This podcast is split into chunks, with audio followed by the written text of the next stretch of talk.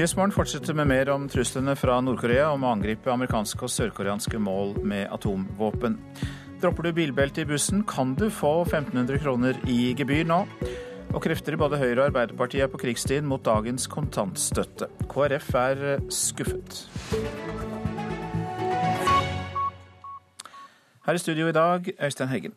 Nord-Korea truer altså med å angripe amerikanske og sørkoreanske mål med atomvåpen. Grunnen er eh, Sør-Koreas og USAs felles militærøvelse som begynner i dag. Og Asia-korrespondent Peter Svaar, du sa i Dagsnytt nettopp at trusler fra Nord-Korea ikke er noe uvanlig. Men eh, er dette da enda kraftigere språkbruk enn tidligere?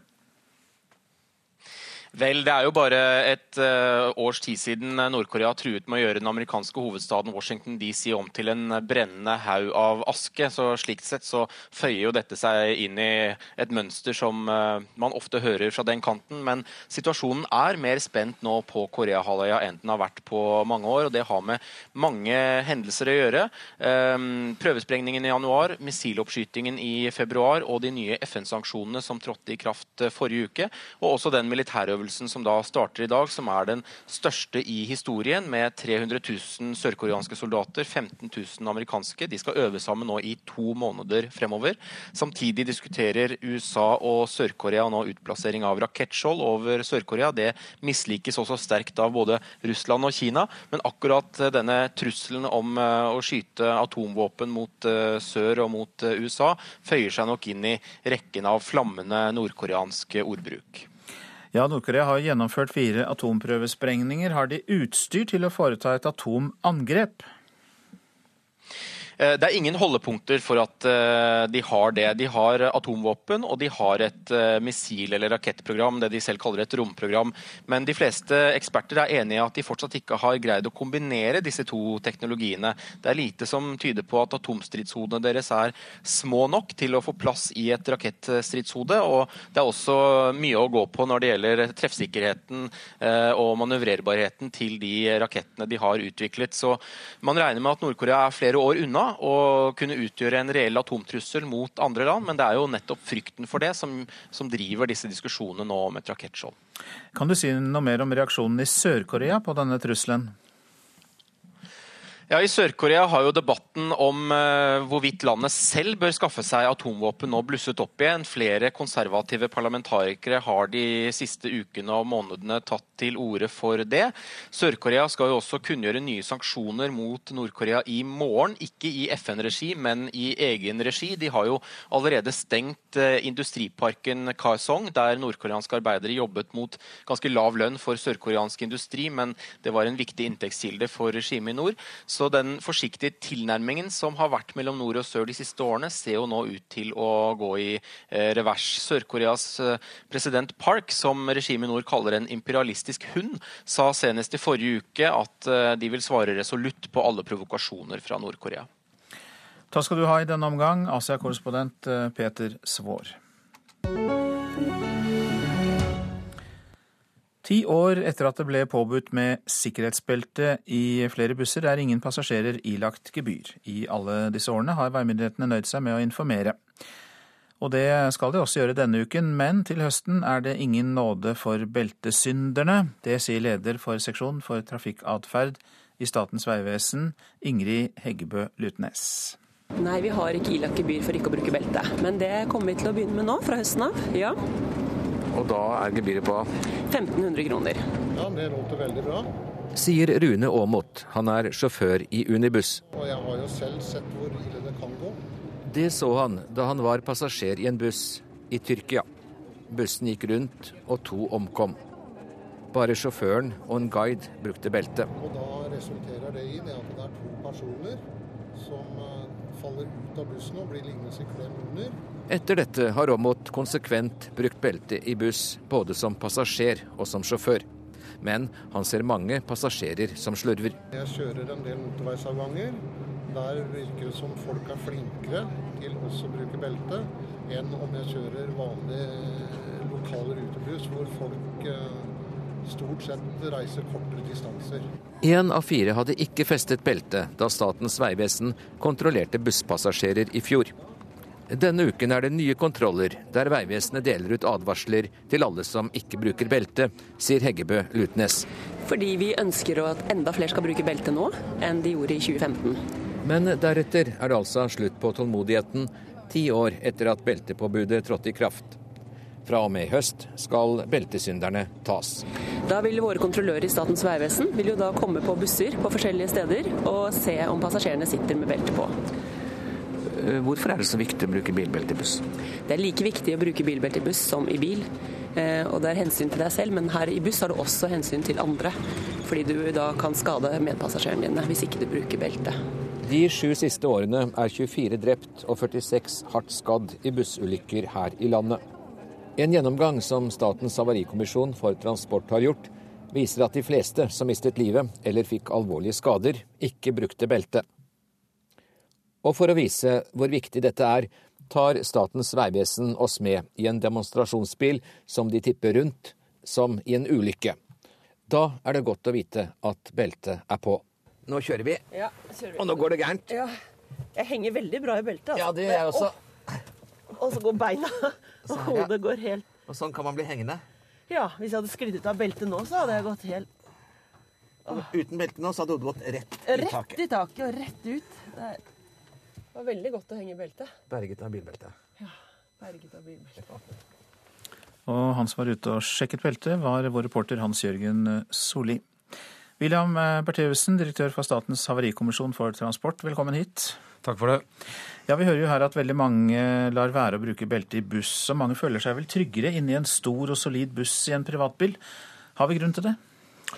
Det er nok som du sier eh, en, en trygghet i å, å kjøre buss, men eh, vi må være klar over at belte er like viktig i buss som, eh, som i bil. Men hva kommer det da av at nesten alle av oss bruker belte i personbiler, og så er det veldig mange som lar være å gjøre det i buss? Ja, Det kan vi spekulere i. Dette skjer jo, som vi eh, hørte, ikke bare i Tyrkia, men også i, i Norge. Havarikommisjonen har gjennom sine undersøkelser vist at eh, folk eh, skader seg og omkommer når man ikke bruker belte i, i buss. Nå er det jo bussjåføren som har ansvaret for at barn under 15 år har på seg belte. De som er eldre, de har jo dette ansvaret selv. Men uansett, sjåføren skal jo passe på at dette skjer. Hvordan kan sjåføren best sikre seg at, eh, for at passasjerene følger påbudet? Ja, dette er vanskelig. Dette er et eh, kompromiss mellom eh, trafikksikkerhet og effektiv eh, trafikkavvikling. Eh, det viktige er at hver enkelt tar et ansvar og bruker, bruker belte. Eh, Spenn deg fast. Det er uhyre viktig. Det er vel fortsatt sånn at eh, i busser i byene er fullt mulig å stå i bussen, og da er vi jo i en helt annen situasjon. Da er man jo enda mer utsatt, vil man tro. Det er riktig. Nå eh, er det slik at Havarikommisjonen undersøker ulykkene, eh, kartlegger årsaksfaktorer, og så er det opp til veimyndighetene å finne gode løsninger. Igjen, dette her er et kompromiss, som, eh, som sagt. Nå har dere funnet ut at mange av dem som omkommer i bussulykker, ikke har brukt belte. Ut ifra de funnene dere har i rapportene fra Havarikommisjonen, er det grunn til å tro at mange hadde berget livet dersom de hadde brukt belte? Ja, vi mener å kunne eh, påvise det. Eh, Bruker du belte, eh, er du sikker, eh, så bruk belte. Hvis vi skal se på eh, typer av skader og ulykker, eh, hva er det først og fremst beltet hjelper mot når ulykken først er ute med en buss? Ja, det vi har sett i vår undersøkelse, er at eh, når ulykken først er ute, så eh, er man sikker i setet med belte. Eh, Bruker du ikke belte, så eh, kommer du ut av setet, og du kan ikke bare skade deg selv, men du kan også skade andre. Dere i Havarikommisjonen dere undersøker jo både skader til eh, havs og til eh, ja, på veiene, jernbane, fly. Eh, Hvordan ligger Norge an når det gjelder eh, ulykker med buss sammenlignet med andre land? Ja, Nå skal jeg være forsiktig å uttale meg om statistikk. Det er overlatt til Vegdirektoratet og, og veimyndighetene å ha den oversikten. Men eh, det jeg da lurer på er om dere i Statens havarikommisjon for transport, når dere ser eh, det som eh, skjer eh, med biler og busser, og vurderer det, eh, hva mener dere om dette påbudet om å bruke belte i buss? Som du har sagt, dette har vi visst om lenge. Eh, bruker man belte, er man eh, sikker. Eh, det tar tid å endre holdninger. Jeg er helt overbevist om at Statens vegvesen prøver å finne de best mulige tiltakene for å komme i mål her. Og nå rulles informasjonskampanjen ut, og så er det da slik at til høsten så rulles også gebyrene ut hvis du sitter der uten belte. Hjertelig takk, William Bertheussen, direktør for Statens havarikommisjon for transport. Så til jeg får meg det avisene er opptatt av i dag. IS har bestilt norsk terrorcelle, skriver Dagbladet. To nordmenn fra Østlandet har reist til Syria, der de trenes opp til selvmordstokt i Europa. Og IS skal de siste ukene ha kontaktet tilhengere i ni ulike land og bestilt nye krigere. Kols er den nye folkesykdommen, kan vi lese i VG. 400 000 har kols, men bare én av fire vet at de har sykdommen, som fremdeles er svært tabubelagt. Hele 80% av tilfellene henger sammen med røyking. Bergens Tidende har truffet ordføreren som taler kommunalminister Jan Tore Sanner midt imot. Bygdelistas Knut Harald Frøland i Samnanger sier bestemt nei til sammenslåing med Bergen. Min kommune skal ikke fungere som en nyttig idiot for sentralisering, sier Frøland. Skattelette på kjøp av vaskehjelp og barnepass kan gi kvinner et karriereløft, konkluderer en rapport NHO har bestilt, gjengitt i Aftenposten. Men trebarnsmor Ingrid Wergeland sier til avisa at kortere arbeidsdag er bedre enn at de som har råd til det, skal få skattekutt for å kjøpe seg vekk fra hverdagsoppgaver og samvær med barna. Bleiestøtte kutter ikke søppelberg, kan vi lese i Vårt Land. Selv om kommuner betaler folk for å bruke tøybleier, blir ordningen lite benyttet. Engangsbleier er nemlig for billige, så billige at de smugles ut av Norge. To reklamebyråer hyres inn for å styrke omdømmet til Oslo-skolen, får vi vite i Klassekampen. PR-kampanjen koster 9 millioner kroner og skal gi kommunene mulighet til å nå ut og informere bedre om tilbudene sine. Det siste norsk økonomi trenger er skattelettelser, det som finansminister Siv Jensen har varslet, sier sosialøkonom Knut Rød til Dagsavisen. Rød mener at det ikke hjelper å dele ut penger til folk for å øke aktiviteten i norsk økonomi. Skal være avskrekkende, sa Erna Solberg om militærøvelsen Cold Response da hun besøkte Trøndelag lørdag. Statsministeren sa ifølge Adresseavisen at eh, samtrening med andre lands styrker er viktig, og viser eh, at Nato og vår, eh, vårt forsvar er strikt stridsdyktige. Ti millioner er kastet ut av vinduet, sier Nina Sundquist i Matmerk til Nasjonen om markedsføringen av økomat. Den merkenøytrale markedsføringen av økologisk mat er for dårlig, sier Riksrevisjonen, men så er ingen enige om hvem som har ansvaret. Søndag formiddag så kom den aller første vinneren til eh, Finnmarksløpet i mål. Tidligere europamester i hundekjøring Hanna Lyrek passerte mållinjen litt over 25 timer etter at hun la ut lørdag formiddag. Her kommer Singel, Koritz, Raste, Kuski, Timotei og Kjappes. Og selvfølgelig bak norgesmester og vinner av Finnmarksløpet, Hanna Lyrek! Vinneren av Finnmarksløpets juniorklasse ble veteranen Hanna Lyrek. Løypa til juniorklassen var hele 200 km lang, et eventyr Hanna brukte 25 timer og 23 minutter på. Hun kom inn 17 minutter over ett søndags ettermiddag. Ved målgang møtte vi en sliten, men lykkelig hundekjører som ble tatt imot av venner, familie og et humørfullt publikum. Nei, det er ren glede. Hvordan har eh, turen over vidda vært for deg? Det har vært eh, veldig fint å se på været. Det er blå himmel og sol, og så var det jo ganske tungt, da. Men hva du tenker når du er midt på vidda med hundene dine? Nei, det er alt mulig rart. Det, ja, det er liksom for, ja, Det største er vel friheten. Frihetsfølelsen man får av å være alene på fjellet. Han har kjørt ut fra startsone nummer seks, men kjørt seg kjapt opp i tet. Du lå jo i tet gjennom hele løpet. Var det en eh, taktisk beslutning du gjorde?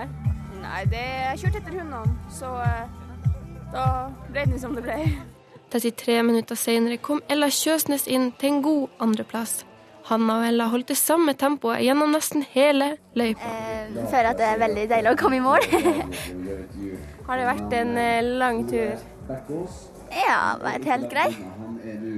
Møtte du på noen utfordringer underveis? Um, nei, ikke sånn store, men litt, litt tull med lederne, så jeg måtte få i gang dem. Og, ja. Men til tross for utfordringene hadde Ella et fint løp over vidda. Hva har det best med denne turen vært? været, kanskje. Det har vært også en fin opplevelse å ja, komme i mål. Og det var Rebekka Ellingsen som snakket med de som kom i mål etter Finnmarksløpet. Du lytter til Nyhetsmorgen, klokka er 6.48. Dette er eh, hovedsaker. Nord-Korea truer med å angripe amerikanske og sørkoreanske mål med atomvåpen. Sør-Korea og USA starter i dag en felles militærøvelse som provoserer Nord-Korea. Dropper du bilbelte i bussen, kan du få 1500 kroner i gebyr. Nå skal passasjerene informeres. Til høsten kommer gebyrene. En person er skadd etter en brann i Bergen i natt. Det er ukjent eh, hvor alvorlige skadene er. Brannen i bolighuset i eh, Salhusveien er nå slukket. Og I kampen om et avfallsdeponi i Brevik brukes omstridte målinger for å vise at industri ikke er negativt for miljøet. Mer om det etter klokka sju her i Nyhetsmorgen. Krefter i både Høyre og Arbeiderpartiet er på krigsstien mot dagens kontantstøtte. Mens Likestillingsutvalget i Høyre vil fjerne både kontantstøtte og barnetrygd, vil et utvalg i Arbeiderpartiet gi foreldre i barnehagekø det de kaller ventestøtte til barnepass, fram til de får barnehageplass. Utvalget vil også gi hver av foreldrene 20 timer kortere arbeidstid fram til barnet fyller tre år. Vi mener at eh, alle småbarnsforeldre med, med små barn burde få tilgang på en tidskontoordning med 40 timer totalt for foreldrene. Sier Martin Henriksen, leder i familieutvalget i Arbeiderpartiet. Eh, vi ønsker å todele den for å stimulere begge eh, foreldrene, både mor og far, til å ta sin del av omsorgen. Og Det betyr at da kan du Eh, jobbe en halvtime kortere i 16 uker til sammen begge foreldrene. Eller du kan ta f.eks. at mor tar en halvtime kortere to dager i uka i en periode, og far gjør det samme. Men kaller du det fleksitid når du absolutt skal dele dette likt på mor og far? Altså Det blir jo fleksibelt for familiene. Men jeg mener også at det er viktig å si at mor og far er likestilte Eh, foreldre, og derfor at vi todeler en sånn eh, tidskontoordning. Men dette fleksitidforslaget fra Arbeiderpartiet får eh, KrFs Geir Bekkevold til å riste på hovedet. Altså, dette forslaget er jo for det første ikke noe god erstatning for kontantstøtten. Og denne fleksible løsningen den er jo pinlig dårlig.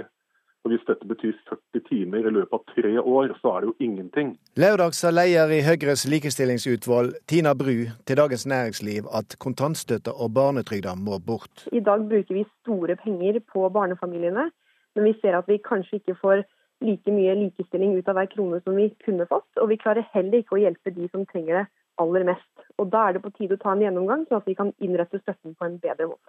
Det er ganske oppsiktsvekkende eh, at Høyre forlater den linja som de har stått for, nemlig at eh, det skal være eh, valgmuligheter for foreldre.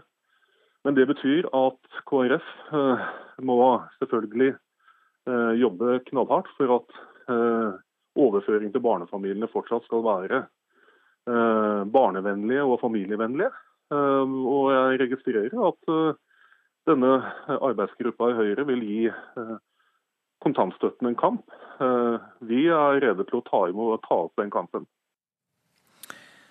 Debatt om dette i Politisk kvarter om en eh, knapp time, altså på eh, P2 og Alltid nyheter, og på NRK 1. Og reporter var Bjørn Atle Gillestad.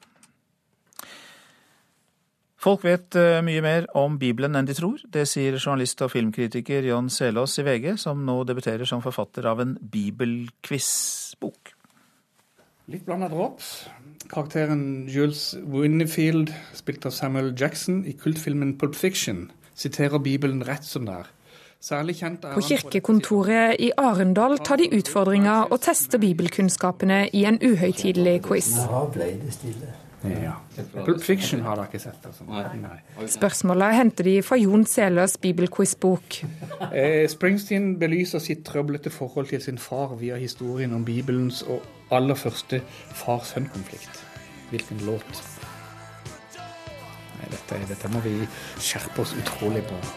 Adam raised the Cane. Noen vil tenke at her har jeg ikke peiling. Sier Jon Selås, som til daglig er journalist og filmkritiker i VG.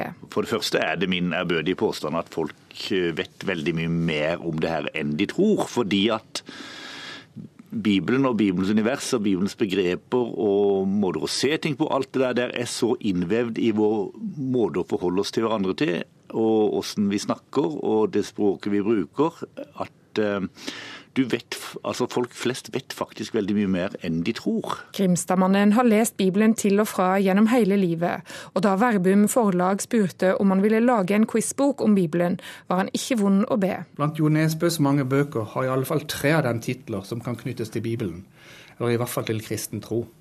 Nevn minst to av disse titlene hverdagen vår florerer av bibelkunnskap uten at vi vet ord om det. Sier Petter Skippervold, redaktør i Verbum forlag. Hvert år selges det mellom 50 og 60 000 bibler i Norge. Eh, hvorfor ikke ha det litt gøy? med Bibelen. Eh, så, så, det er utgangspunktet. Men det er, det er som Jon sier, altså her er det potensial for veldig mye opplysning. Den siste er da marekors. Du forstår et uttrykk som salig, amen, halleluja, fryktelig mye av vår dagligtale, og særlig når vi blir da litt mer sånn, kanskje litt mer høytidelige, litt mer litterære, er, har referanser i Bibelen. Simpelthen fordi at Bibelen er den fremste litterære kilde for vår kultur. Sier Jon Selås. Og på kirkekontoret i Arendal har de ansatte endelig funnet et emne de behersker. Her skal vi altså finne ordet som mangler. En Urias post. Og det til fulle. Vårt daglige brød. Dere er jordens salt. Tro kan flytte Fjell. Nei, tro kan flytte fakta. Nei, nei, nei. nei. reporter i eh, Arendal, det var Miriam eh, Grov. Nå til Stavanger, for der er det strid mellom ulike kulturarbeidere. Trist og frustrerende, sier dansere i Stavanger om at kunstnere har forsøkt å stanse byggingen av en etterlengtet prøvesal for danserne, altså. De har ventet i årevis på slike lokaler, og nå skal de omsider inn på Tau scene, men så er det slik at kunstnerne frykter at støyende musikk skal forstyrre dem. I det som en gang var Tau bryggeri, er arbeidene så vidt i gang med å bygge prøvesal for danserne i Stavanger. Susanne Christensen er en av 19 kunstnere som har atelier her på Tau scene og kunstfabrikk. Åtte atelier, deriblant Christensens, er plassert rett over det som skal bli dansesal på 200 kvadratmeter. Når du sitter med en praksis hvor du skal fordype deg og lese et eller annet, og så hører du bare en bass dundre hele tiden, det er veldig sjenerende, for å si det rett ut. Så du får bare sånn en bom, bom, bom hele tiden. Dansere spiller nødvendigvis ofte musikk når de øver, og nå har styret for Atelierfellesskapet på Tau sendt et bekymringsbrev til kultursjef og til kulturpolitikere, med overskriften 'Atelierhus og dansestudio umulig samlokalisering'. Vår bekymring baserer seg på tidlig erfaring av høyt musikk i gammel betongbygning. Det sier David Calder. Han er kunsthåndverker som leder styret i Atelierfellesskapet på Tau. Og vi er oppriktig bekymret over at lyden kan ødelegge arbeidsmiljøet. I brevet ber Atelierfellesskapet om at politikerne revurderer denne prøvesalen. Det samme gjør Bildene kunstneres forening Rogaland og Norske kunsthåndverkere Vest-Norge i et lignende brev. Det syns jeg er veldig veldig trist, at det kommer eh, så seint. Det sier Mai Cecilie Venås, styremedlem i organisasjonen Dansis, dansekunst i Stavanger-regionen. Eh, vi har stått uten et prøvelokale nå i veldig, veldig mange år og se endelig et lys i tunnelen. Som mener kunstnerne ikke har noe å frykte. Det vil selvfølgelig spilles musikk, og det vil være bevegelse i rommet. Men eh, det vil jo holdes på et normalt dansenivå. Prosjektleder for utbyggingen på Tau, Lars Egil Borsheim, sier at målinger i råbygget viser at hvis det spilles musikk med konsertlydnivå i dansesalen, så vil kunstnerne i etasjen over høre 30 desibel, som er så vidt hørbart. Men det beroliger ikke Susanne Christensen. Vi vet jo at hvis du øh, øver på dans, altså det, der er utrolig volum. Men kunstnerne blir ikke hørt. Kommunen kom rett før helgen med et svarbrev der det vises til at lydnivået er akseptabelt. Kunstnerne svarer at de nå vil forholde seg til dette, og verken Christensen eller Venås frykter at saken vil forsure arbeidsmiljøet i framtida. Ikke i det hele tatt. Jeg, jeg, jeg tror de forstår problemet. Jeg tror eh, både danserne og egentlig kunstnerne også er veldig åpne for å ha et fellesskap og arbeide sammen. Denne rapporten fra Stavanger fikk vi fra Anette Johansen Espeland. Værvarselet. Fjell i Sør-Norge. Nordøstlig stiv kuling i høyfjellet i sør første del av dagen. I de vestlige og nordvestlige områdene stort sett oppholdsvær og noe sol, ellers litt snø. Østlandet og Telemark. Først på dagen eh, liten nordlig kuling på kysten, litt snø. Mest nedbør i østlige områder. Vestlige deler stort sett oppholdsvær fra utpå formiddagen. Agder på kysten øst for Oksøy oppe i liten nordlig kuling, stort sett opphold og muligheter for litt sol først i vest. Vestlandet sør for Stad, på kysten nord for Boknafjorden opp i liten nordlig kuling, stort sett pent vær. Periodevis noe mer skyet i indre strøk og i Nordfjord. Møre og Romsdal skyet eller delvis skyet, enkelte sludd- og snøbyger. Trøndelag skyet vær, mulighet for litt snø av og til. Nordland kan hende liten sørøst kuling utsatte steder, spredt snø, det kan komme noe sludd på kysten. Troms og Finnmark liten sørlig kuling i utsatte steder, spredt snø i indre strøk, ellers for det meste skyet oppholdsvær. Nordensjøland på Spitsbergen skyet eller delvis skyet eh, oppholdsvær. Så tar vi temperaturene, og disse ble målt klokka fire i natt. Svalbard lufthavn og Kirkenes begge minus tre. Vardø minus én. Alta og Tromsø-Langnes begge minus to. Så var det Bodø og Brønnøysund pluss to på begge de stedene. Trondheim-Værnes null grader. Molde minus tre. Bergen-Flesland minus én. Stavanger pluss to. Kristiansand-Kjevik null. Og så var det Gardermoen og Lillehammer som begge hadde minus to grader. Røros minus sju, og Oslo-Blindern der var det null grader, registrert klokka fire i natt.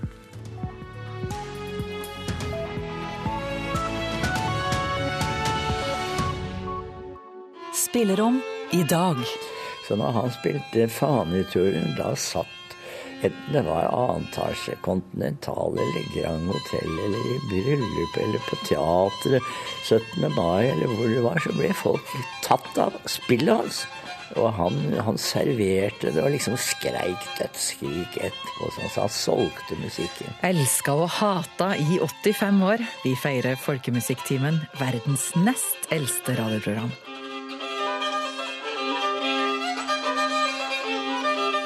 Spillerom i dag klokken 11 på NRK P2. En person har mistet livet i boligbrann i Bergen i natt.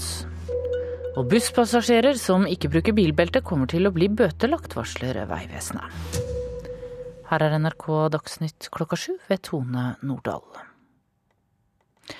En person eh, har altså mistet livet i en boligbrann i Bergen i natt.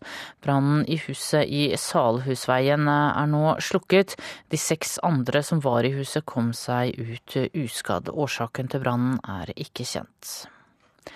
Ingen passasjerer har til nå fått gebyr for ikke å bruke sikkerhetsbelte i buss. I ti år har det vært påbudt med bilbelte på de fleste bussreiser, og Vegvesenet har til nå nøyd seg med å informere om påbudet. Men til høsten må passasjerer som ikke bruker belte betale gebyr. Det sier leder for seksjon for trafikkatferd i Statens vegvesen, Ingrid Heggebø Lutnes. Nei, vi har ikke ilagt gebyr for ikke å bruke belte, men det kommer vi til å begynne med nå fra høsten av. Ja. Og da er gebyret på 1500 kroner. Reporter her var Hans Jørgen Solli. Nav må få mer makt til å hjelpe folk ut i jobb, det mener Stefan Heggelund i Høyre. Han sier politikerne detaljstyrer Nav for mye, og at det gjør det vanskelig for Nav å gi god hjelp til folk som har falt utenfor arbeidslivet. Det systemet vi har i dag gjør at eh, enkelte opplever å bli satt på feil tiltak, et tiltak som ikke har noen effekt i deres situasjon, fordi det tiltaket de burde ha trengt, er det ikke noen ledige plasser på. Ifølge Høyremann er problemet at politikerne styrer for mye. Ikke bare bestemmer de hvor mange penger Nav skal få til ulike arbeidsmarkedstiltak, de bestemmer også hvor mange plasser de ulike tiltakene skal ha. Egentlig så er tiltakssystemet i Nav den siste rest vi har av planøkonomi i Norge. og Derfor er det mye bedre at Nav kan styre på et budsjett, og så er det de faglige vurderingene i Nav eh, som faktisk avgjør hvor mange tiltaksplasser det blir i løpet av det året for de pengene. Det sa Stefan Heggelund, som leder arbeidet med å utvikle ny sosialpolitikk i Høyre. Det blir mer om dette temaet i Nyhetsmorgen på P2 nå straks. Dagen før fristen løper ut, har slektninger av tolv kinesiske passasjerer fra det savnede Malaysia Airlines-flyet levert krav om erstatning. De pårørende krever mellom 6,4 og 10,4 millioner kroner per offer. Flyet forsvant på vei fra Kuala Lumpur til Beijing 8.3.2014. Det er fortsatt uklart hva som skjedde med flyet. Skattelette for bruk av vaskehjelp og barnehageplass kan gi kvinner et karriereløft. Det mener en gruppe forskere som NHO har bedt om å finne ut av hva som skal til for å bedre kvinners jobbmuligheter. Det skriver Aftenposten i dag. NRK Dagsnytt.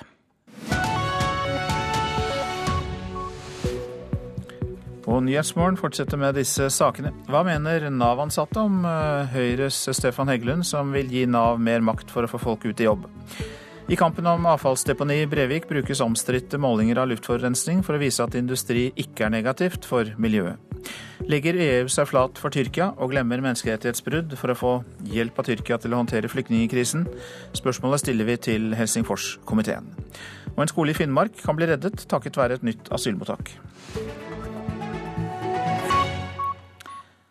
Nav må få mer makt eh, til å hjelpe folk ut i jobb. Det hørte vi Stefan Heggelund eh, fra Høyre si i Dagsnytt. Han mener eh, politikernes detaljstyrer Nav for mye, og at det gjør det vanskelig for Nav å skreddersy gode tiltak for folk som er utenfor arbeidslivet. Jeg liker litt å sitte i resepsjon. Og så har jeg begynt litt på media. Jeg liker å oppdatere bl.a. innenfor skjermen. Lillian peker på ei hvit tavle der hver arbeidsoppgave er lista opp med svart tusj. Fontenehuset på Tøyen er et arbeidsfellesskap for mennesker med psykisk sykdom.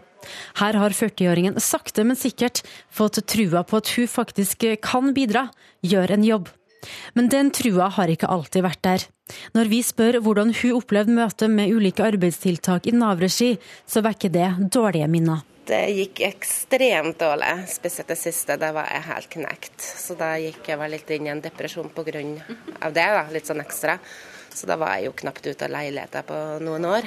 Heller ikke Einar Belk Olsen, som i dag er fulltidsstudent og full av eh, framtidstro, har gode erfaringer fra det å være plassert på tiltak. Jeg følte på en måte at var, de var mest opptatt av å få meg fortest mulig ut i et eller annet, uten å ta en prosess på om det var faktisk det jeg ville, eller det jeg skulle. Egentlig så er tiltakssystemet i Nav den siste rest vi har av planøkonomi i Norge. Det gjør at Nav-veiledere har lite fleksibilitet, og at det blir mindre valgfrihet for brukerne. Sier stortingspolitiker Stefan Heggelund. Ifølge Høyremann er problemet at politikerne styrer for mye. Ikke bare bestemmer de hvor mange penger Nav skal få til arbeidsmarkedstiltak, de bestemmer også hvor mange plasser de ulike tiltakene skal ha. Problemet er at det systemet vi har i dag gjør at eh, enkelte opplever å bli satt på feil tiltak, et tiltak som ikke har noen effekt i deres situasjon, fordi det tiltaket de burde ha trengt, er det ikke noen ledige plasser på. Og Derfor er det mye bedre at Nav kan styre på et budsjett, og så er det de faglige vurderingene i Nav eh, som faktisk avgjør hvor mange tiltaksplasser det blir i løpet av det året for de pengene. Jeg ble bare satt på et tiltak, og så på en måte, da var det greit. Men jeg hadde ikke noe oppfølging. Kjell Hugvik, fungerende tjenestedirektør i Nav, kjenner ikke historien til Lillian eller Einar Belk Olsen som vi har intervjua i denne saken men på generelt grunnlag bekrefter han at dagens regler kan gjøre det vanskeligere å skreddersy gode løsninger. Utfordringa har vært at vi har hatt eh, for strenge regler i forhold til at vi skal treffe både på økonomi og antall plasser. Eh, det fører gjerne til at eh, man må tilpasse brukeren til tiltaket, og ikke omvendt. Så da sitter en saksbehandler og vet at tiltak A er rett, men må sende vedkommende på tiltak C? Ja, man prøver å unngå det, selvfølgelig. Men vi har opplevd at eh, for dårlig fleksibilitet har gjort at ikke vi kunne ha gitt de tilbudene som vi mener brukeren trenger. Tilbake på Fontenehuset har Lillian ett klart råd til Nav. Ikke fokusere så mye kanskje på sykdom. I dag er hun ufør. Drømmen på sikt er å komme seg ut i arbeidslivet. I mellomtida betyr det uendelig mye å få muligheten til å vise, både for seg sjøl og andre, at hun bidrar til fellesskapet gjennom frivillig arbeid. Det betyr veldig mye for meg å gjøre noe som er nyttig for samfunnet. Det var Lillian vi hørte sist der, som har bedt om at vi ikke bruker etternavnet hennes. Reporter Siv Sandvik. Og Anne Lunderby Wang, velkommen. Takk for det. Du jobber i Nav, er hovedtillitsvalgt i Parat. Og um, det vi hørte her, kjenner du deg igjen i det? Ja, dette er en eh, hverdag som saksbehandlerne eh, syns er krevende. Eh, vi i Parat Nav har snakka lenge om det å få et myndig Nav-kontor. Ekspertutvalget, som bl.a. Sigrun Vågeng var leder av, eh, påpeker nettopp det å få et myndig Nav-kontor. Det betyr at tiltaksplasser, eh, aktivitet ut i arbeid, blir vedtatt der brukerne er, altså på Nav-kontoret. Det er viktig at rådgiverne får den myndigheten og det verktøyet de har behov for. Hvordan er det disse detaljene som ble omtalt her, som politikerne utformer, da, påvirker hverdagen deres og gjør det mer firkantet? Eh, saksbehandlerne er eh, flittige når det gjelder eh, det å få, ut, få, personer ut i tiltak. De eksemplene vi hører, er ikke de, de gode historiene. Vi har mange gode eksempler på tiltak som lykkes. Det er viktig å få tiltak ut i arbeidslivet, altså det ordinære arbeidslivet. Nå er det tøft i disse dager. Eh, men saksbehandlerne trenger også en forståelse fra politikerne. Nå hører vi en politiker som påpeker eh, at det skal bli enklere. Eh, de må sjøl sette seg i førersetet og legge til rette for at saksbehandlerne får en bedre hverdag med å gi de verktøyene de trenger. Har du noen eksempler på veldig firkantet regelverk? Nei, ikke sånn på stående fot. Men vi hører om eksempler eh, der som blir um, omtalt av Huvik. Eh, det forhold til å finne tiltak, plasser til brukerne, blir påvirka av, av tildelingsrammene. Så når du vil ha mer kraftfulle og selvstendige Nav-kontor, kanskje Eh, hva vil det kunne føre til, at de eh, kan styre mer av dette sjøl og eh, plassere folk der de mener er aller best? Da vil saksbehandleren med den kunnskapen de har om det lokale arbeidsmarkedet, finne tiltak som er arbeidsretta, og som bidrar til at brukerne kommer ut i, i arbeid. Og det vil gi en suksess, tenker jeg. Det å gi en enklere hverdag for saksbehandlerne ute Eh, det er mange eh, som jobber eh, i en hektisk hverdag, påvirka både av vold og trusler, som trenger et godt verktøy for å bistå brukeren på aller beste vis. Hva er det da politikere som Heggelund her kan gjøre da, for å få til endringer, og for at kontorene skal kunne opptre og jobbe mer selvstendig? De må påpeke mm, det å forenkle både lov og regelverk slik at eh, det er brukeren som sitter i, i førersetet, eh, og saksbehandleren som veit hvor skoen trykker, eh, at de sammen kan finne suksessen til det å komme ut i arbeid. Mange takk skal du ha, Anne Lundreby Wang, som altså jobber i Nav og er hovedtillitsvalgt i Parat.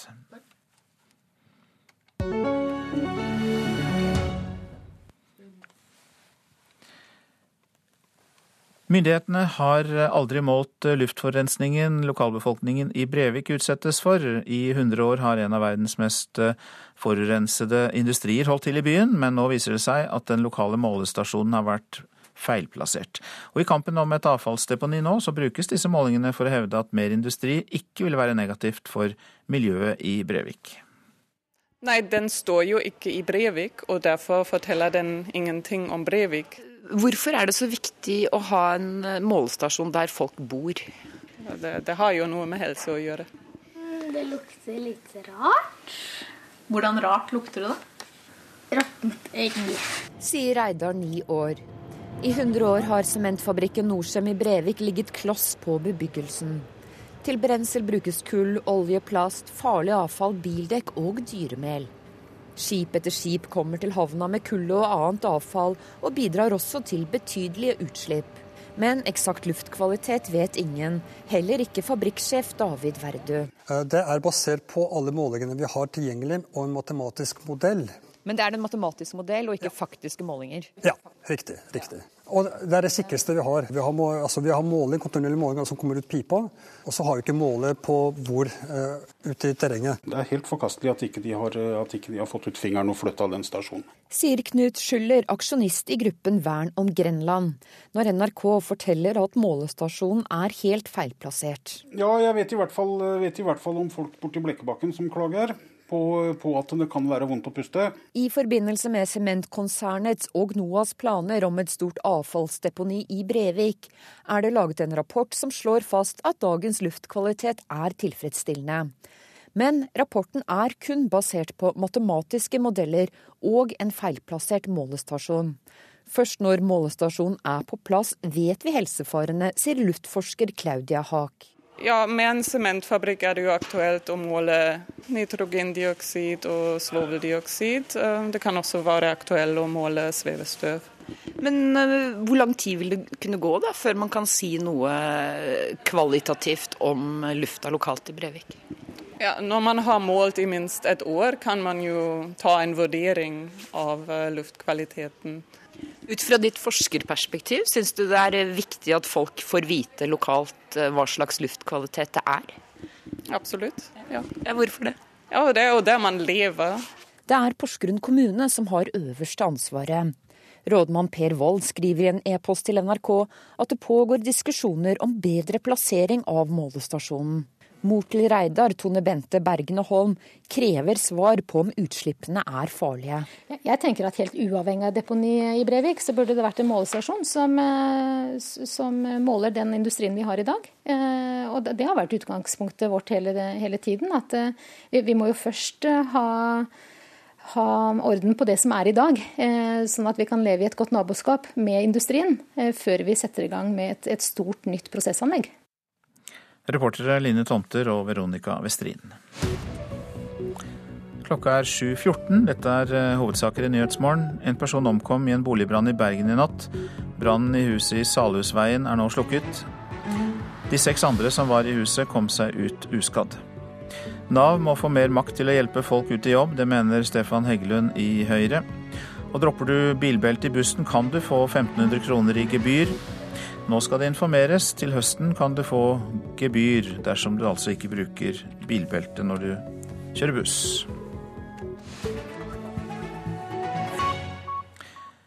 I Syria fortsetter kampene mot IS og den såkalte Nusra-fronten, samtidig som det er inngått en eh, våpentilstand for øvrig.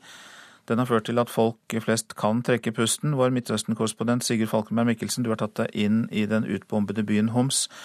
Og var det en by med et eh, visst håp om fred som du våknet til i dag? De jeg har snakket med her, har vært uh, overveldende positive til uh, våpenstillstanden. Og de håper jo at det kan være starten på et, en fredsløsning. Eh, de har vært gjennom en så tøff periode at jeg tror de tar ethvert lite positivt skritt eh, og håper at det kan lede til noe bedre. Men samtidig så tror jeg ikke det er noen her som har noen illusjoner om veien videre. Eh, og det er jo litt avhengig av hvilken del av byen de bor i, men for de som er verst stilt, så de, bor de jo i en Mange av de har jo flyttet inn tilbake til sine gamle, til sine gamle hus og bor i svært vanskelige situasjoner. Sånn at de, de, har, en, de har, en, de har en tøff, tøff, tid. Og da at våpnene stilner, er, er godt nytt for dem. Du har jo besøkt eh, syriske storbyer før under denne konflikten. Eh, hva er forskjellen til eh, det du opplever i Homs i dag? Det er jo at våpnene er stille. At det ikke er det merker man f.eks. i Damaskus at artilleriet ikke drønner fra fjellene. At, det er en, en litt annen eh, stemning her. Eh, at folk er ikke så eh, spente som de har vært tidligere. Men samtidig så vet jo alle også at det kan bryte ut igjen veldig raskt. Men akkurat nå så er det i hvert fall et, et visst håp om at denne våpenstillstanden skal holde.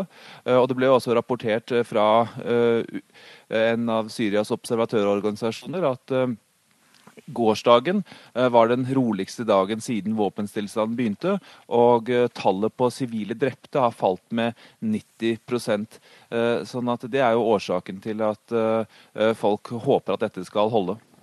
I Dagsrevyen i går så viste du jo seerne utbombede bydeler, samtidig som det er moderne byområder med biltrafikk og gatelys. Så, så hva er sannheten om Homs? Det er en veldig kontrastfylt by. Eh, og der det har vært eh, stridigheter, eh, som er store byområder, der er, der er ødeleggelsen veldig store. Det gjelder særlig da Haldie i sentrum, hvor kampene var ekstremt harde. Og det var en bydel som ble beleiret av Assads styrker i rundt to år. Det samme gjelder gamlebyen og også et, en annen bydel som heter Baba Amro. Disse bydelene er i stor grad svært ødelagt. Gamlebyen har de begynt å bygge litt opp igjen. Eh, men ikke de andre stedene, hvor det var mer opposisjonsstøtte også eh, blant sivilbefolkningen. Eh, og så har du da de myndighetskontrollerte områdene hvor det ikke har vært direkte krigshandlinger, hvor de lever nå med frykt for bilbomber, men hvor ikke det har vært bombing fra artilleri og slike ting. Og der fungerer infrastruktur og dagliglivet sånn noenlunde. Mange takk skal du ha, Sigurd Falkenberg Mikkelsen, vår Midtøsten-korrespondent, som altså rapporterte fra den syriske byen Homs. Og i dag er det toppmøte om flyktningkrisen. Eh, flyktningene fra Brussel. Det toppmøtet holdes i Brussel, og det er mellom Tyrkia og EU. Og assisterende generalsekretær i Helsingforskomiteen, Gunnar Ekeløv Slydal, velkommen. Takk. EU-lederne forsøker jo å stoppe flyktningstrømmen gjennom et samarbeid med Tyrkia. Men hvilke følger kan det få for eh, menneskerettighetskritikken mot Tyrkia, at det nå lokkes til samarbeid med EU? Ja, på en måte så har jo maktforholdet mellom Tyrkia og EU endra seg litt. Eh, nå trenger EU Tyrkia. Og vi har allerede sett at det har ført til mindre kritikk, i hvert fall fra det politiske EU. EU eh, e har jo også et byråkratisk sjikt som fortsatt rapporterer, eh, sånn som de skal gjøre, om at Tyrkia går i feil retning når det gjelder menneskerettigheter. Og så var det jo slik at I november i fjor så inngikk jo EU og Tyrkia en avtale om økonomisk bistand til Tyrkia for å håndtere flyktningkrisen. Og så ble politisk kritikk av Tyrkia da dempet, som du er inne på. Uh, hvilke virkninger kan dette da ha på menneskerettigheter og pressefrihet i Tyrkia? Det er liten tvil om at EU har vært den viktigste faktoren utenfor Tyrkia når det gjelder å forbedre menneskerettighetssituasjonen. Så et svakere engasjement fra EUs side når det gjelder menneskerettigheter i Tyrkia, det vil svekke beskyttelsen av menneskerettighetene. Og Tyrkia er inne i en dårlig utvikling med en eh, president og et lederskap som i økende grad er autoritære og ikke tillater eh, f.eks. journalistisk eh, kritikk. Hva ville da vært en bedre måte å håndtere flyktningkrisen på? Eh, man måtte ha en byrdefordeling som betydde at man tok flyktningene på en lovlig og ordentlig måte ut av Tyrkia. Fordelte dem eh, til Europa, men også til andre deler av verden. Det er det man ikke har fått til. EU er dypt splitta. Man har mange medlemsland som rett og slett ikke vil bidra til å løse flyktningkrisen. Hvor trygt er det da å være flyktning i Tyrkia? Fordi eh, mange jo strander jo der. Vi har hørt om at mange strander i Hellas, men også da i Tyrkia. Eh, Tyrkia har jo over to millioner flyktninger fra Syria. Ca. 250 000 er i leirer som er relativt godt drevet. Resten må ofte klare seg som de kan, best selv, på egen hånd. Får hjelp fra sivile samfunnet. Eh, over 400 000 barn får ikke skolegang, ikke tilgang til helse osv. Eh, I sannhetens navn, EU prøver å gjøre noe med det. I denne avtalen så skal Tyrkia trappe opp beskyttelse og hjelp til flyktningene. Men vi har ikke sett det skje i stor grad ennå. Har de da noe alternativ til å oppholde seg i Tyrkia, de to millionene som er der? Eh, vi vet at Tyrkia gjerne vil ha dem tilbake til en sikker sone i Nord-Syria. Eh, det er det veldig mange som advarer mot. Eh, flyktningene har i realiteten ikke så veldig mange alternative utveier enn å prøve å komme seg til Europa gjennom Hellas. Så for å oppsummere. Etter Helsingforskomiteen og din mening så hadde det da vært bedre med en organisert eh, henting av flyktninger i Tyrkia, eh, organisert av EU? Ja, ingen tvil om det. Det som skjer nå er tragisk på veldig mange plan, også på et politisk plan, fordi man ikke greier å lage en god løsning. Mange takk skal du ha, Gunnar Ekeløve Slydal, som altså er assisterende generalsekretær i Helsingforskomiteen. Nå til at eh, Marco Rubio fikk 70% av stemmene i republikanernes nominasjonsvalg i Puerto Rico, og får dermed alle de 23 delegatene fra øya. Dette skjedde dagen etter at Donald Trump ba Rubio trekke seg fra valgkampen, og Rubio kommenterte da sin eh, seier slik. In an open primary where anyone can vote, not just Republicans, Democrats and independents, I got over 70% of the vote. Not because I became less conservative, but because I took our conservative principles to people who are living the way I grew up. Ja, Rubio skrøt at han vant et nominasjonsvalg da, hvor alle, ikke bare republikanere, kan stemme. At han vant ikke fordi han var mindre konservativ, men fordi han snakket til folk som lever på samme måte som han selv vokste opp. Og Dermed har han rundt 150 delegater, noe som er godt under halvparten av hva Donald Trump har eh, skaffet seg så langt. Bernie Sanders har i natt vunnet demokratenes nominasjonsvalg i Maine. Det melder nyhetsbyrået Ap. Seieren er Sanders eh, åttende av de 19 rundene som eh, er avgjort så langt i demokratenes nominasjonskamp. Avisene nå. IS har bestilt norsk terrorcelle, skriver Dagbladet.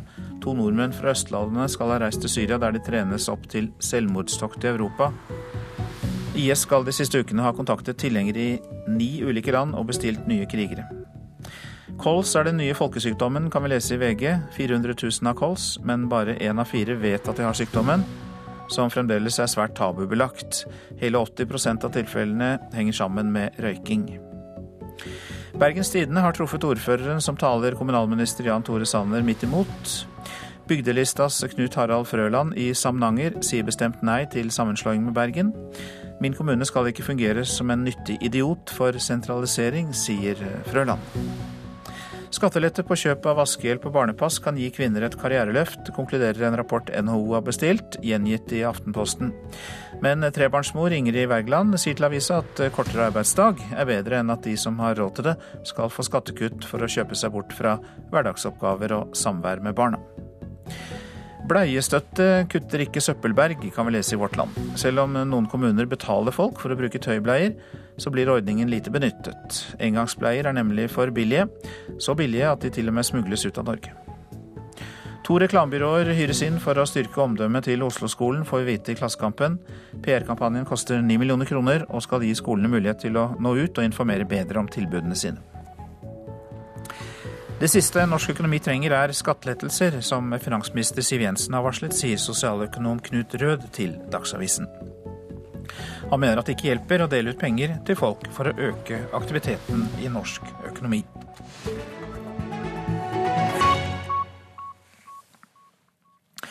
Nå om transittmottaket Neiden i Finnmark, som skal stenges innen fredag denne uken. Det har UDI besluttet. Da forsvinner også 33 av de 38 elevene ved Fossheim skole. Forrige uke var det internasjonal bygdekveld i Neiden. Både skoleledelsen og lokalbefolkningen ønsket seg et permanent asylmottak. Det ringes inn til internasjonal kveld i Neiden. Bygda som i fjor høst fikk over 100 nye innbyggere fra hele verden. Fossheim skole har i flere år vært trua av nedlegging. Før transittmottaket ble oppretta i Neiden, gikk det fem elever her. Nå springer 38 unger rundt i gangene her og gleder seg til å framføre sanger og dikt for foreldre og lokalfolket.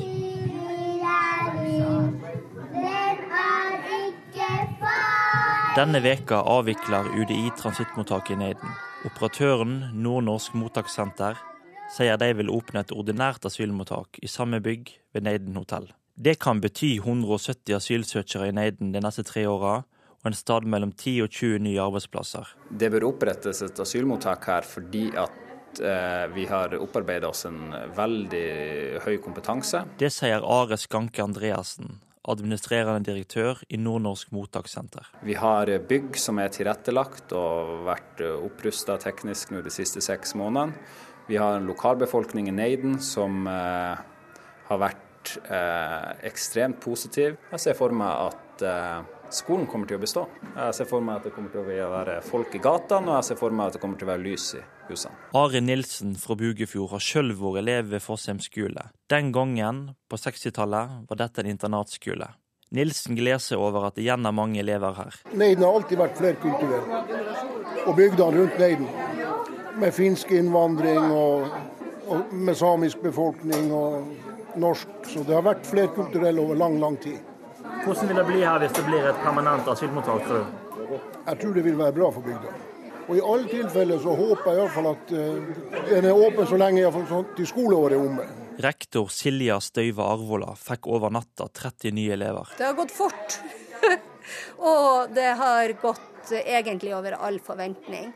De problemene vi har hatt, er at vi må lære folk å ake og gå rett vei opp akebakken. Neiden har klart å ta imot nye mennesker ved et ordinært asylmottak, sier Arvola. Transittmottaket blir jo nedlagt, og det er jo for så vidt bra, for det er jo en midlertidig stasjon. Og Det gjør jo f.eks. nå at vi har hatt en utskiftning på 15 elever bare i løpet av den måneden som er gått. Vi håper jo at det blir et fast mottak.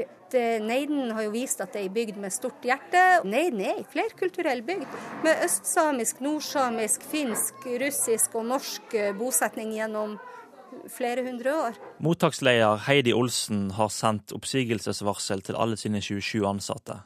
Fredag denne veka stenger dørene for godt ved Neiden transittmottak. Neiden var en bygd som har vært sånn nedleggingstrua lenge. Det er liksom et distrikt i distriktet. Og, og nå når vi kom med mottaket, og skolen har gjort alt og tatt imot på den måten, og bygda har tatt imot, så har det blitt liv. Det er liv i alle kroker. Det, det skjer noe he, hver dag, hele tida.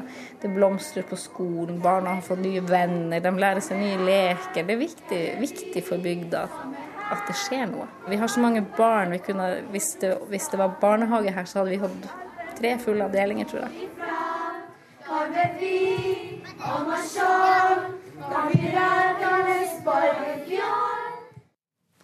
Reporter i Neiden var Amund Trellvik. Storbritannia skal sende ytterligere tre skip til Egerhavet for å bidra i Natos utvidede oppdrag mot menneskesmuglere som sender folk til Hellas i båter. Det opplyser David Cameron, som legger til at flyktningkrisen er Europas største utfordring. Britene har fra før ett skip i dette området. Målet er å ødelegge forretningsmodellen til smuglerne og forhindre at menneskene blir stappet inn i båter for en nytteløs og vågal reise, sier Storbritannias statsminister. Du lytter altså til Nyhetsmorgen. I reportasjen etter Dagsnytt så skal vi til Hellas, der alle flyktningene stiller landet overfor store utfordringer, mens det fortsatt sliter med sin egen økonomikrise. Og Dagen før 8. mars kommer både Høyre og Arbeiderpartiet med nye likestillingsforslag, men de blir sablet ned av KrF, som begge de store partiene frir til. Mer om det i Politisk kvarter. Prosent for Nyhetsmorgen, Arild Svalbjørg, og her i studio, Øystein Heggen.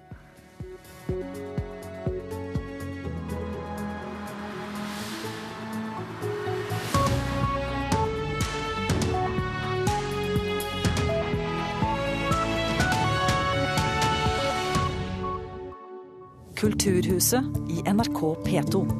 I 1814 hadde prins Christian Fredrik av Danmark med seg en skuespiller som sitt hemmelige våpen da han skulle vinne nordmennenes gunst.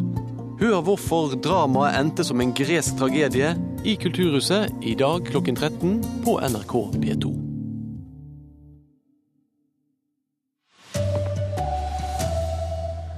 Busspassasjerer som ikke bruker bilbelte kommer til å bli bøtelagt, varsler Vegvesenet. Høyretopp vil gi Nav mer makt, mener politikerne detaljstyrer for mye. Og Nord-Korea tror på nytt med atomangrep mot USA og Sør-Korea. God morgen, her er NRK Dagsnytt klokka 7.30 ved Tone Nordahl. Ti år etter at det ble påbudt med sikkerhetsbelte i de fleste busser, er ingen passasjerer ilagt gebyr. I alle disse årene har veimyndighetene nøyd seg med å informere. Men til høsten er det ingen nåde for beltesynderne lenger. Det sier leder for seksjon for trafikkatferd i Statens vegvesen, Ingrid Heggebø Lutnes. Nei, vi har ikke ilagt gebyr for ikke å bruke belte. Men det kommer vi til å begynne med nå, fra høsten av. Ja. Og da er gebyret på? 1500 kroner. Ja, det låter veldig bra. Sier Rune Aamodt. Han er sjåfør i Unibuss. Og jeg har jo selv sett hvor ille det kan gå. Det så han da han var passasjer i en buss i Tyrkia. Bussen gikk rundt, og to omkom. Bare sjåføren og en guide brukte belte. Og Da resulterer det i det at det er to personer som eh, faller ut av bussen og blir liggende i klem under. Etter dette har Aamodt konsekvent brukt belte i buss, både som passasjer og som sjåfør.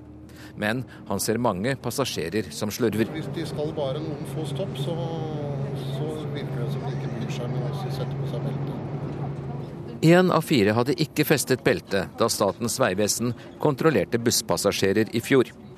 Denne uken er det nye kontroller, der Vegvesenet deler ut advarsler til alle som ikke bruker belte, sier Heggebø Lutnes. Fordi vi ønsker at enda flere skal bruke belte nå enn de gjorde i 2015. Vegvesenet har hittil hatt mest fokus på beltebruk i privatbil. Derfor er ingen beltesyndere i buss straffet. Men til høsten er det altså ingen nåde. Da vil våre kontrollører i Statens vegvesen vil jo da komme på busser på forskjellige steder og se om passasjerene sitter med belte på. Og for å vise hvor viktig dette er, tar Vegvesenet oss med i en demonstrasjonsbil som de tipper rundt. Da er det godt å ha festet beltene. nå kjører vi. Ja, kjører vi. Og nå går det gærent. Ja. Jeg henger veldig bra i beltet. Altså. Ja, det gjør jeg også. Uten belte nå, så hadde hodet gått rett i Rett taket. i taket og rett ut. Reporter her var Hans Jørgen Solli. Og de sju siste årene har 24 mennesker mistet livet i bussulykker her i landet. De fleste brukte ikke belte, viser en gjennomgang Statens havarikommisjon har gjort. Nav må få mer makt til å hjelpe folk ut i jobb. Det mener Stefan Heggelund i Høyre. Han sier politikerne detaljstyrer Nav for mye, og at det gjør det vanskelig for Nav å gi god hjelp til folk som har falt utenfor arbeidslivet. Jeg føler på en måte at de var mest opptatt av å få meg fortest mulig ut i et eller annet, uten å nødvendigvis ta en prosess på om det var faktisk det jeg ville, eller det jeg skulle. I dag er Einar Belk-Olsen fulltidsstudent og full av framtidstro. Men veien dit har vært lang for 32-åringen som lever med diagnosen ADHD. Etter en rekke dårlige opplevelser med å bli plassert på ulike arbeidsmarkedstiltak som ikke førte noe vei, var han nær ved å gi opp. Mista fullstendig troen på at det var plass for meg i det norske arbeidslivet. Det systemet vi har i dag gjør at eh, enkelte opplever å bli satt på feil tiltak, et tiltak som ikke har noen effekt i deres situasjon, fordi det tiltaket de burde ha trengt, er det ikke noen ledige plasser på. Sier stortingspolitiker Stefan Heggelund. Ifølge Høyremannen er problemet at politikerne styrer for mye. Ikke bare bestemmer de hvor mange penger Nav skal få til ulike arbeidsmarkedstiltak, de bestemmer også hvor mange plasser de ulike tiltakene skal ha. Egentlig så er tiltakssystemet i Nav den siste rest vi har av planøkonomi i Norge. og Derfor er det mye bedre at Nav kan styre på et budsjett, og så er det de faglige vurderingene i Nav eh, som faktisk avgjør hvor mange tiltaksplasser det blir i løpet av det året for de pengene. Kjell Hugvik, fungerende tjenestedirektør i Nav, kjenner ikke historien til Einar Belk-Olsen som er intervjua i denne saken. Men på generelt grunnlag bekrefter han at dagens regler kan gjøre det vanskeligere å skreddersy gode løsninger. Vi har opplevd at for dårlig fleksibilitet har gjort at ikke vi kunne ha gitt de tilbudene som vi mener brukeren trenger. Reporter her Siv Sandvik. Nord-Korea truer med atomangrep mot USA og Sør-Korea. Bakgrunnen er at de to landene starter en felles militærøvelse i dag, sier Asia-korrespondent Peter Svaar.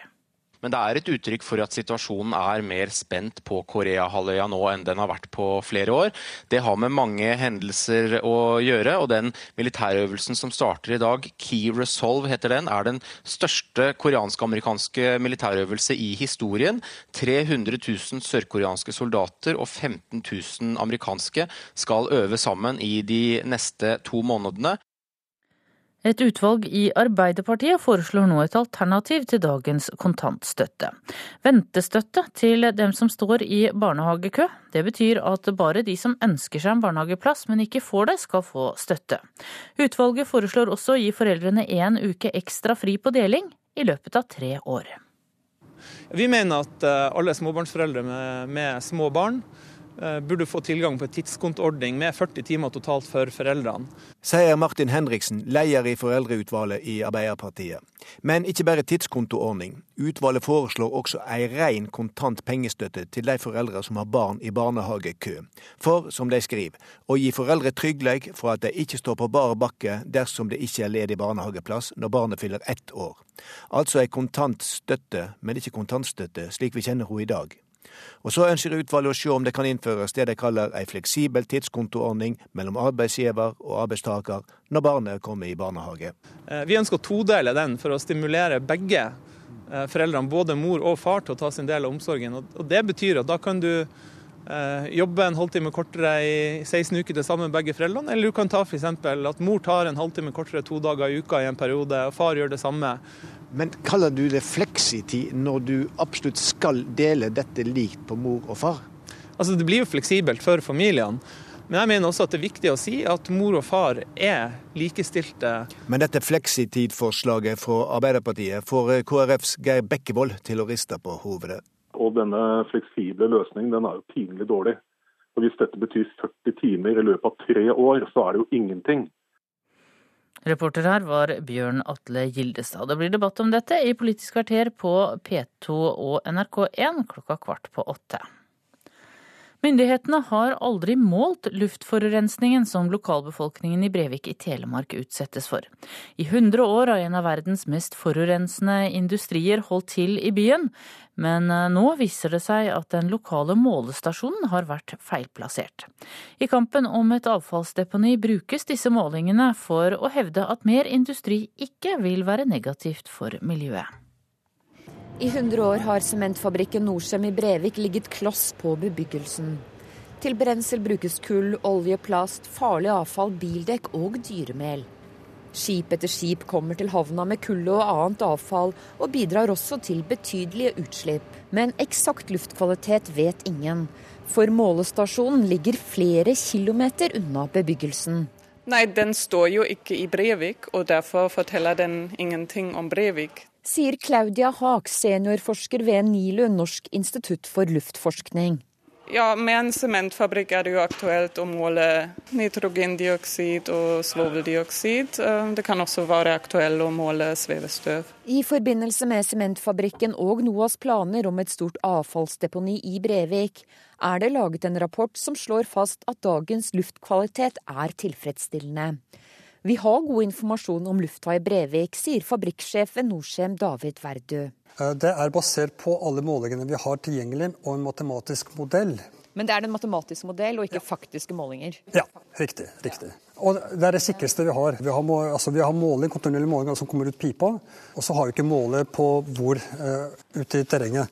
Det er Porsgrunn kommune som har øverste ansvaret for å måle luftkvaliteten. Rådmann Per Wold skriver i en e-post til NRK at det pågår en diskusjon om en bedre plassering av målestasjonen. Reportere her var Line Tomter og Veronica Westrin. Hvile og mediefri kan være nøkkelen for mer suksess for de norske skiskytterjentene. Tiril Eckhoff tok VM-gull på lørdag, men søndag gikk det ikke like bra. Nå vil landslagstrener Stian Eckhoff skjerme de beste jentene. Særlig tidlig Marte trenger en måte å få roa måte kroppene litt og koble litt av. For med karrierens første VM-triumf Har du sett det? For første gang! For første gang! Ble det mye oppstyr rundt gulljenta som ikke klarte å hevde seg på jaktstarten. Jeg er i god form, men eh, mentalt så er jeg helt utafor. Og derfor vil landslagsledelsen nå skjerme gulljenta i så stor grad som mulig. Det passer hovedpersonen godt. Hjemmehopper ser frem til rolige dager før normaldistansen på onsdag. Eh, veldig, veldig bra for meg. Det er det å bli digg og få litt fred og kan gjøre litt andre ting. Reporter i dette innslaget var Kristine Norvik Skeide. Ansvarlig for Dagsnytt i dag, Elin Pettersen.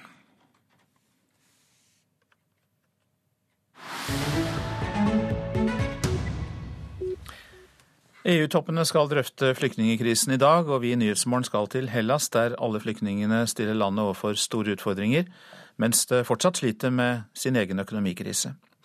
Hellas er jo blitt en flaskehals etter at grensene nordover bortimot er stengt for flyktninger, men det greske folket hjelper til så godt de kan, og arbeidsløs ungdom melder seg som frivillige. Sier 28-årige Alexandra Mohammad, halvt syrer og halvt gresk. Hun er arbeidsløs, men finner det meningsfylt å hjelpe flyktningene som kommer til havneområdet Pireus i Aten. Greece uh, have many problems, but it's okay. It's uh, help the people. Alexandra er hjelpearbeider for Røde Kors og er nyttig bl.a. pga. språkkunnskapene. Hun guider oss rundt i en stor tidligere passasjerterminal som nå er fylt med flyktninger.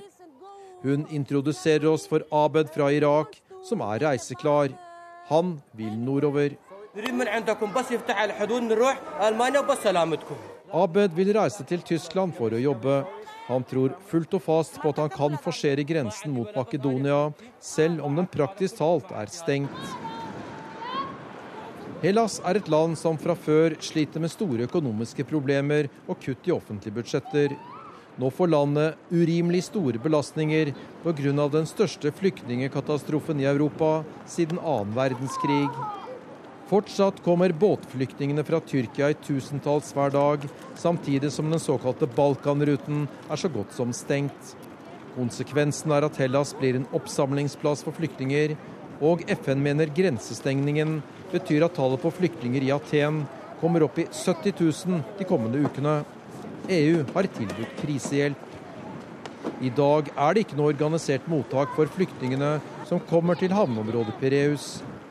Dette vil de lokale myndighetene prøve å gjøre noe med, sier viseguvernør i Pireus, Georg Gavrilis.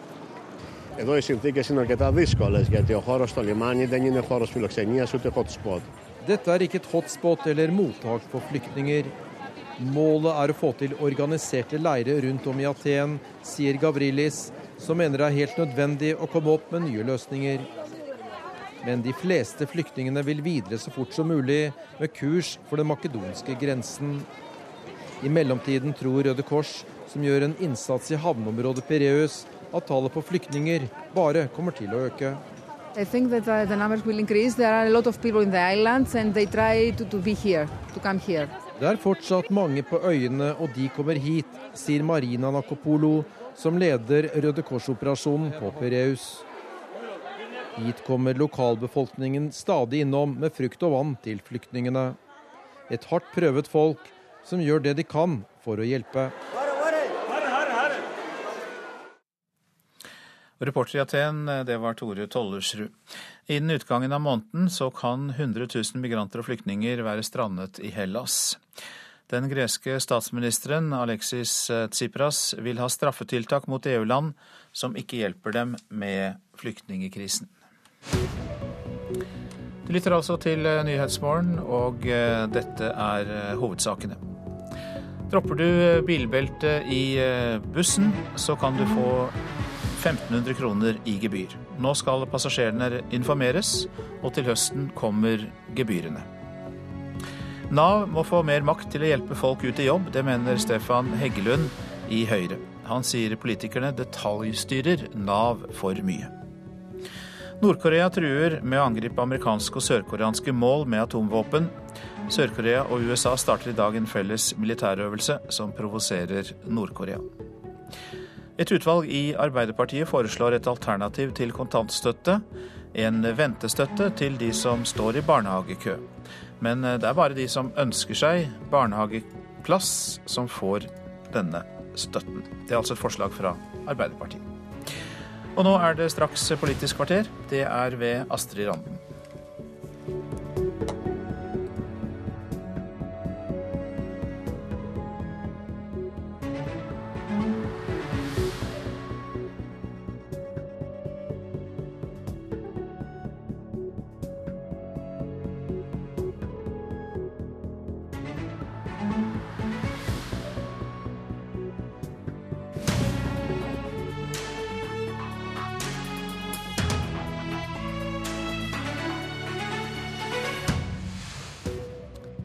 Dagen før dagen, 8. mars, kommer Høyre og Arbeiderpartiet med nye likestillingsforslag som blir sabla ned av partiet de begge frir til, nemlig KrF.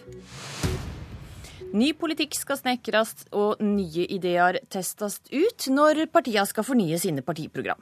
Høyre og Arbeiderpartiet har hver sine familie- og likestillingsutvalg, som begge foreslår å fjerne en av de mest omstridte støtteordningene i norsk politikk, nemlig kontantstøtta. Og Tina Bru, leder av Høyre sitt likestillingsutvalg og enstemmig innstilt til ny leder av Høyre sitt kvinneforum. Det foreslår å fjerne kontantstøtta. Hva vil du gi barnefamiliene i stedet for?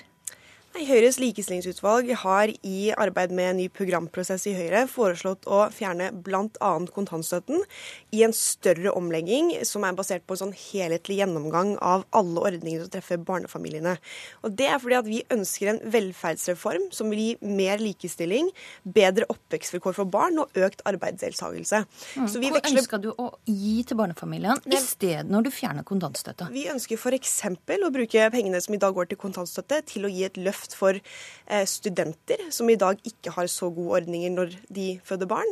Som er en grunn til at mange studenter velger å utsette det å få barn. F.eks. det å øke engangsstønaden man får, som er det man får hvis man ikke er i arbeid og blir gravid. Det er én ting. En annen ting er at vi ønsker å innføre et nytt skattefradrag for alle barnefamilier for å styrke deres økonomi, og også styrke arbeidslinjen, så det skal lønne seg å jobbe. Martin Henriksen, du leder utvalget som skal utforme ny politikk til Arbeiderpartiet sitt nye partiprogram. Og også det ønska å fjerne kontantstøtta, men vil erstatte den med fleksistøtte. Hva betyr det?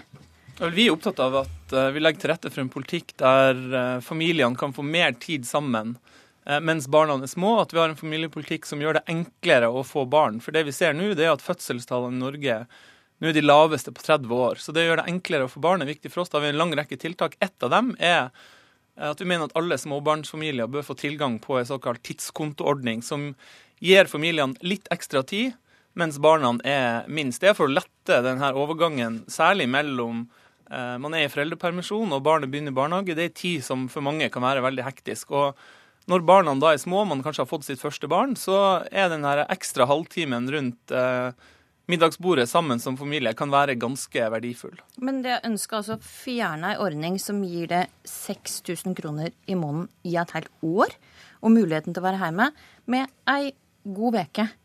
40 timer fri fra jobb. Ja, Det blir jo mer enn det, da. Men uh, altså 40 timer fordelt på foreldrene, det kan man spre utover mange uker. Det er en veldig fleksibel ordning for barnefamiliene. Ja, Mer enn 40 også, timer, eller er det 40 timer? Ja, Det er 40 timer for foreldrene, og det er jo en veldig fleksibel ordning. Skal man kunne ta ut når man vil, f.eks. som halvtimer.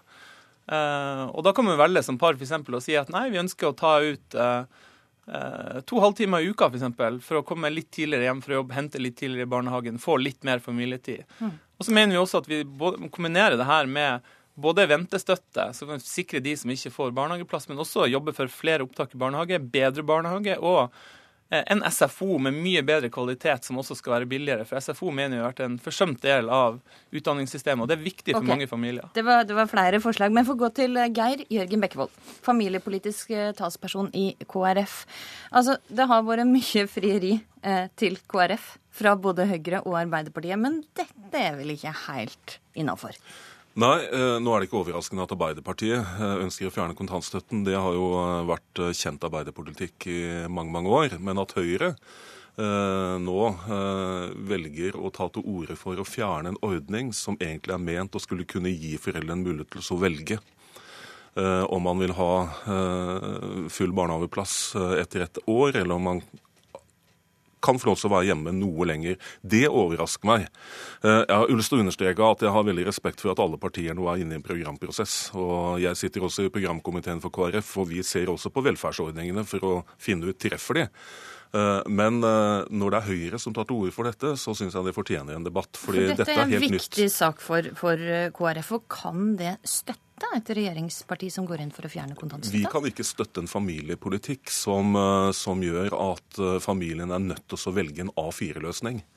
Uh, slik uh, Høyre uh, egentlig tar til orde for her. Mm, for her er det ingen andre alternativer. Her er det rett fra foreldrepermisjon og inn i barnehage. Og hvis ikke du velger den løsningen der, så får du ingen støtte fra staten det fjerna valgfriheten til småbarnsforeldre. Men vi er et likestillingsutvalg, og forskningen er helt tydelig på at kontantstøtten er svært negativ for likestilling. Og jeg tror det aller viktigste for familiene altså Husk, når man innførte kontantstøtte, så hadde man ikke den samme barnehagedekningen som man har i dag. Altså Vårt utvalg foreslår at man skal kunne få barnehageplass med en gang fra fylte ett år. Og vi vil også gjøre barnehage og SFO billigere for de med aller lavest inntekt. Altså Poenget her, vi må målrette velferdspengene vi bruker bedre, for vi bruker store penger på familiene. Og da kan vi ikke sitte og betale penger for at folk skal sitte hjemme istedenfor å gå på jobb. Da må vi heller satse på barnehager. Og Derfor syns jeg det er litt rart at ikke Arbeiderpartiet heller bare si at dette her, det, det, det høres ut som Høyre nå mener, at vi kan ikke belønne foreldre som velger feil. Uh, sett ut fra uh, hvordan Høyre uh, tolker dette. Ja, for Du det setter likestilling over valgfrihet her? Nei, jeg gjør ikke det. Det er ingen tvang å ha barnet ditt i barnehage. Men i en situasjon vi vet vi går en fremtid i møte hvor vi må prioritere hardere på statsbudsjettene, vi trenger at flere deltar i arbeidslivet. Vi har fortsatt en situasjon hvor 40% av kvinner som er i arbeidslivet, jobber deltid. De tjener fortsatt bare 86% av hva en mann tjener. Det er helt åpenbart at det viktigste for å få flere kvinner til å delta i arbeidslivet, er å ha gode tjenesteordninger. Bare lyst til å minne om, nei, det stemmer jo, men jeg har lyst til å minne om en liten ting, og det er at kontantstøtten det er noe man får i, i, i det første, altså for barna ett til to år. Dette er ikke en støtte man får til barna blir konfirmert. Eh, så jeg syns det er en liten overdrivelse allerede der. Men Hva syns du om Arbeiderpartiets eh, forslag da, om å, å erstatte det med ei uke fri, ja, eller 40 altså, timer, da? 40 timer. Hver, hver av foreldrene skal da få 20 timer i løpet av en treårsperiode. Og hvis det skal være en erstatning for kontantstøtten, eh, så må jeg si at det er nesten litt pinlig. Altså, vi har aldri sagt at det er erstatning for kontantstøtta. Det vi har prøvd å gjøre, det er å se på hva slags ordninger kan vi gjennomføre for å sikre både økt likestilling, men også sikre fleksibilitet for familiene. Og hvis du gir, Jeg tolker det litt som at hvis du sier det er for lite, at okay, det er et godt forslag, men nesten burde ha tatt hardere i. Men jeg tror jo det her er et forslag som gjerne kan utvikles videre, men som vil kunne gi familiene mer fleksibilitet. Det, det som er viktig for veldig mange småbarnsforeldre, er å kunne tilpasse arbeidstida si, særlig når barna er små. Og Vi ønsker jo å se på ordninger som gjør det mulig. I tillegg er det en lang Mm. rekke andre forslag som vi ennå ikke har lagt fram. Nemlig. Men fleksibiliteten skal- for småbarnsfamiliene er viktig for oss. Vi skal snakke om enda et forslag. Det kommer fra Høyre, og det ønsker altså å fjerne barnetrygda. Hvorfor det? Nei, Det er også eh, et av forslagene i den store helheten. Altså, Vi mener at vi må kunne få Altså, Likestilling har aldri vært det eneste målet med familiepolitikken. Eh, og Det er det viktig at det skal det heller ikke være. Men vi mener at det må være mulig å få litt mer likestilling ut av de store pengene vi bruker. Barnetrygden er et eksempel på en stor utbetaling fra staten. altså Det koster 15 milliarder i året. Eh, Ipsos MMI sa i 2012 at de har tall som viser at halvparten av de som mottar barnetrygd, setter pengene rett på konto. Det er ikke målrettet velferd. Når du bruker store penger på familiene, så bør du passe på at du får mer til de som faktisk trenger det aller mest. Og det er ikke barnetrygden et eksempel på lenger. Martin Henriksen, du er mot å fjerne barnetrygda. Hvorfor mener du riktig at vi skal sponse rike og middelklassen med tusenvis av kroner som oftest går rett inn på sparekontoen til bunad eller førkort? Nei, La meg bare si at jeg synes Det er bra at man prøver å tenke nytt i likestillings- og familiepolitikken, men det vi vet er at hvis man fjerner hele barnetrygda, så vil det ramme de som har minst. eh, aller eh, hardest. Og Barnetrygda er jo et eksempel på ordning som både er enkel å administrere, den er ubyråkratisk og veldig enkelt forståelig Men for dyr. familiene. Men ganske dyrt. Men samtidig er det en bred velferdsordning som, gjør, eh, som er en av de ordningene som gjør at velferdsstaten som sådan har ganske stor oppslutning. Jeg må si at det som jeg reagerer på på Høyre, altså, jeg tror nok Høyre sitt likestillingsutvalg har mange spennende forslag, men eh, det virker som at samtlige forslag som handler om familiepolitikk, hviler på den ene forutsetninga at hel- og barnetrygda og kontantstøtta skal betale for alt det. Nei, nei, nei. Og det tror jeg er veldig us... Jo, men hvis du skal summere opp uh, Men- og det, men uansett, men hør nå. Tina Bru, la meg bare fullføre det følgende resonnement.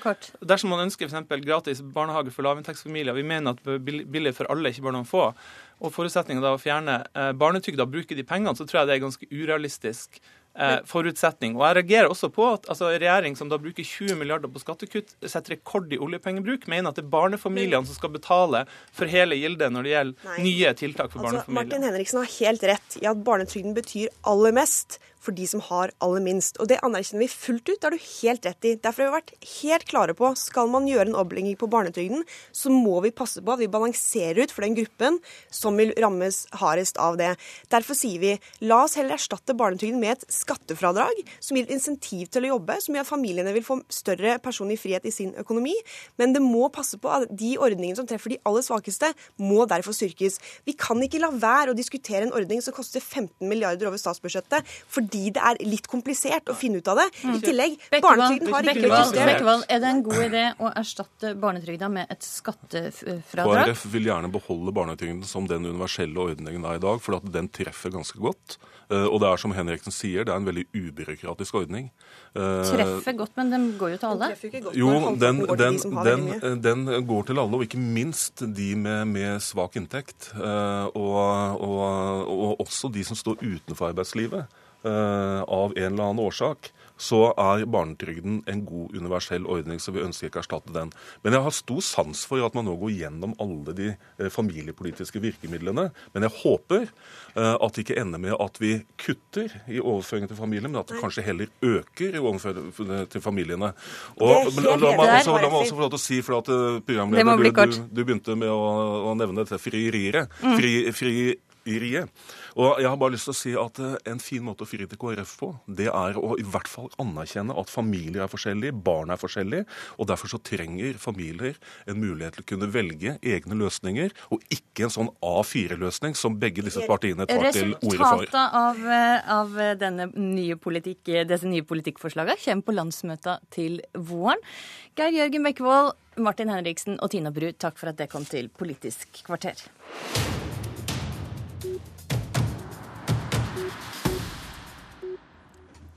Det var en gang du kunne se hele regjeringa samla i sin fineste strikk, nemlig lusekofta. Det var under den årlige budsjettkonferansen.